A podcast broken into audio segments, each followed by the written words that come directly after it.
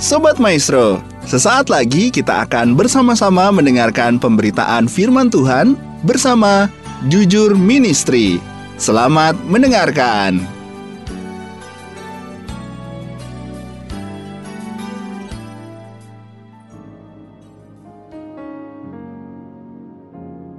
Shalom Sobat Maestro, jumpa kembali dengan saya Pendeta Thomas Lukiman dari Jujur Ministry. Visi dan misi dari Jujur Ministry adalah Visinya melayani dengan kasih sesuai dengan perintah kerajaan Allah, menjadi perpanjangan tangan Tuhan bagi orang miskin, sesuai dengan ayat firman Tuhan yang terdapat dalam Galatia pasal yang kedua, ayat yang ke-10, dalam Yohanes pasal yang ke-6, ayat yang ke-11, dan dalam Matius pasal ke-25, ayat yang ke-35 sampai ke-40.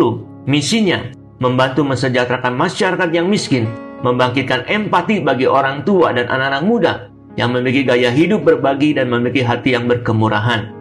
Baik sebelum kita akan mendengarkan perenungan firman Tuhan, kita akan memulainya di dalam doa. Bapa di dalam nama Tuhan Yesus, kami mengucap syukur bila hari ini kami boleh menerima segala kebaikan-Mu dan anugerah-Mu yang berlimpah-limpah di dalam kehidupan kami. Melalui perenungan firman Tuhan ini, kami boleh lebih mengenal akan pribadi-Mu. Kami membuka diri kami dan pikiran kami selebar-lebarnya. Kami siap untuk diberkati oleh kebenaran firman-Mu. Di dalam nama Tuhan Yesus, kami berdoa dan mengucap syukur. Amin. Sobat Maestro, Tema firman Tuhan hari ini adalah hidup rukun dan damai. Tuhan sangat sedih apabila kehidupan kita bersama dalam keluarga, dalam rumah tangga, dalam bermasyarakat, dalam bangsa dan dunia ini penuh dengan persengketaan, penuh dengan perselisihan, penuh dengan pertikaian. Maka tidak salah akan ada banyak penderitaan datang silih berganti terjadi dalam kehidupan manusia dan segenap ciptaan di sekitarnya. Jadi dalam kondisi seperti ini, siapa yang bersukaria, siapa yang bersenang hati, dan siapa yang tertawa, pastilah iblis yang bersukaria, pastilah iblis yang bersenang hati, dan pastilah iblis yang akan tertawa atas semua ini. Betapa pentingnya hidup dalam kerukunan, hidup damai dengan semua orang. Di balik hidup rukun ada berkat Tuhan yang sudah Tuhan sediakan. Di dalam Mazmur 133, ayat yang pertama sampai ketiga, di dalam perikopnya dikatakan persaudaraan yang rukun. Nyanyian Jara Daud. Sungguh alangkah baiknya dan indahnya apabila saudara-saudara diam bersama dengan rukun seperti minyak yang baik di atas kepala meleleh ke janggut yang meleleh ke janggut Harun dan ke leher jubahnya seperti ambun gunung Hermon yang turun ke atas gunung-gunung Sion sebab ke sanalah Tuhan memerintahkan berkat kehidupan untuk selama-lamanya. Pemasmur menjelaskan bahwa Hidup rukun itu sungguh indah dan baik dalam kehidupan kita. Bagaimana pemastur melukiskan keindahan hidup yang rukun itu? Yang pertama, pemastur melukiskan keindahan hidup yang rukun itu di ayatnya yang kedua, seperti minyak yang baik di atas kepala meleleh ke janggut, yang meleleh ke janggut Harun dan ke leher jubahnya. Yang pertama yaitu minyak yang baik. Minyak yang baik akan ditumpahkan atau dicurahkan di atas kepala.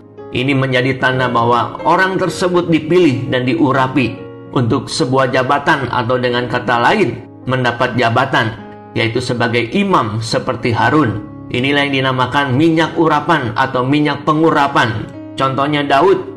Sebelum Daud menjadi raja, Daud terlebih dahulu diurapi oleh Samuel. Proses pengurapan Daud oleh Samuel sesuai dengan tradisi orang Yahudi selalu diminta diadakan perjamuan makan yang khusus diperuntukkan bagi keluarga Isai pada saat itu.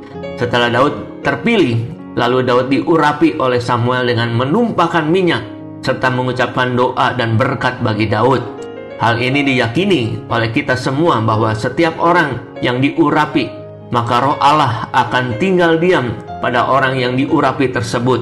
Roh Allah akan menguasai hidup orang yang diurapi tersebut gambaran minyak yang ditumpahkan di kepala meleleh ke janggut dan ke jubah Harun itu gambaran berkat Tuhan yang menyertai pengurapan tersebut. Dan inilah keindahan dan kemasyuran orang yang diurapi tersebut.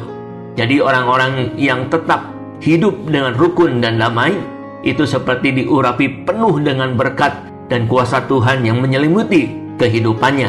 Apakah artinya kata berkat? Seringkali kita berkat hanya dipahami sebagai suatu yang berwujud materi.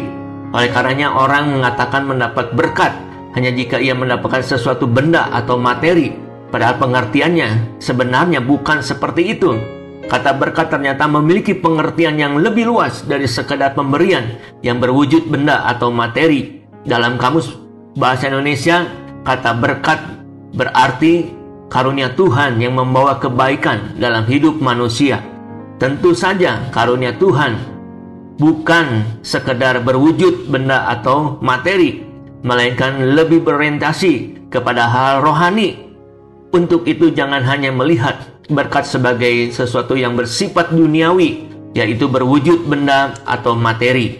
Tapi pahamilah, berkat itu secara rohani, di mana ada kuasa Allah yang bekerja memberi hidup, kuasa Allah yang bekerja memberi kelimpahan, kuasa Allah yang bekerja memberi kesehatan, kuasa Allah yang bekerja memberi kekuatan, kuasa Allah yang bekerja memberi pengharapan, kuasa Allah yang bekerja membebaskan dari keterikatan, keterikatan dosa dan lain sebagainya. Jadi, Walau kita suka berantem, suka bertengkar, suka bertikai, tidak hidup rukun dan damai dengan semua orang, maka minyak yang baik tidak akan ditumpahkan atau dicurahkan di atas kepala kita. Ini artinya berkat dan kuasa Tuhan tidak akan menyelimuti kehidupannya lagi. Berkat dan kuasa Tuhan tidak akan lagi menaungi kehidupannya. Berkat dan kuasa Tuhan tidak akan menudungi kehidupannya lagi.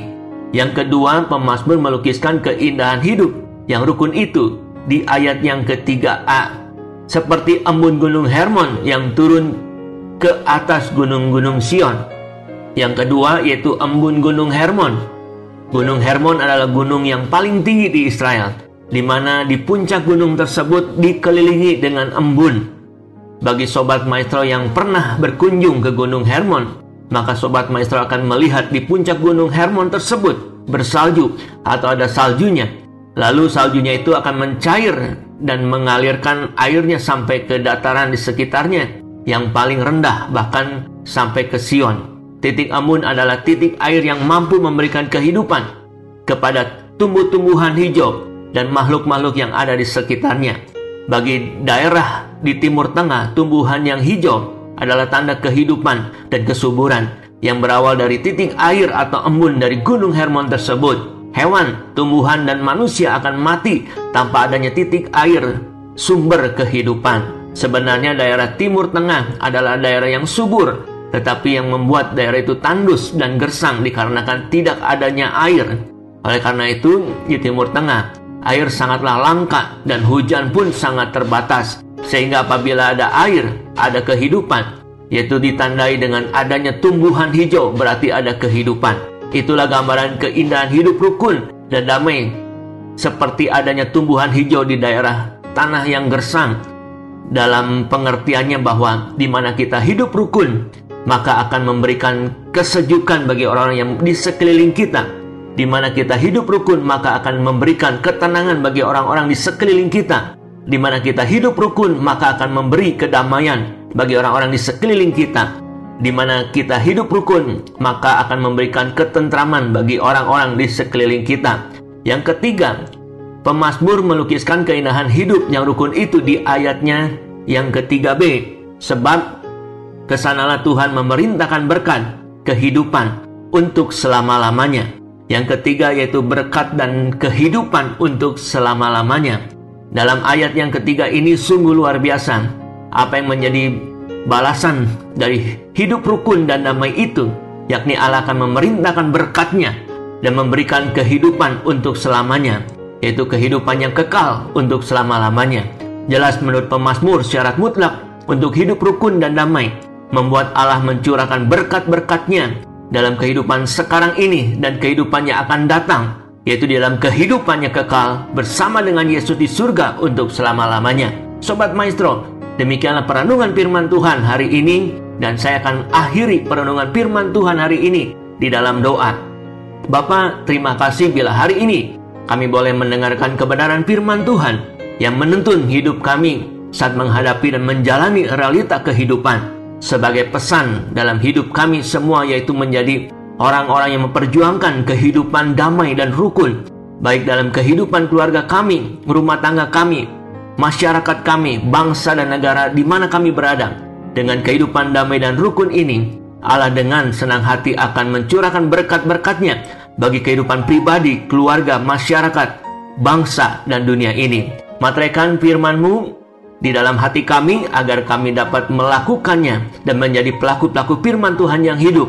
Di dalam nama Tuhan Yesus kami berdoa dan mengucap syukur. Amin. Saya Pendeta Thomas Lukiman mengucapkan terima kasih dan Tuhan Yesus memberkati kita semua. Shalom. Sobat Maestro, kita baru saja mendengarkan pemberitaan firman Tuhan bersama Jujur Ministry. Terima kasih atas kebersamaan Anda. Tuhan Yesus memberkati.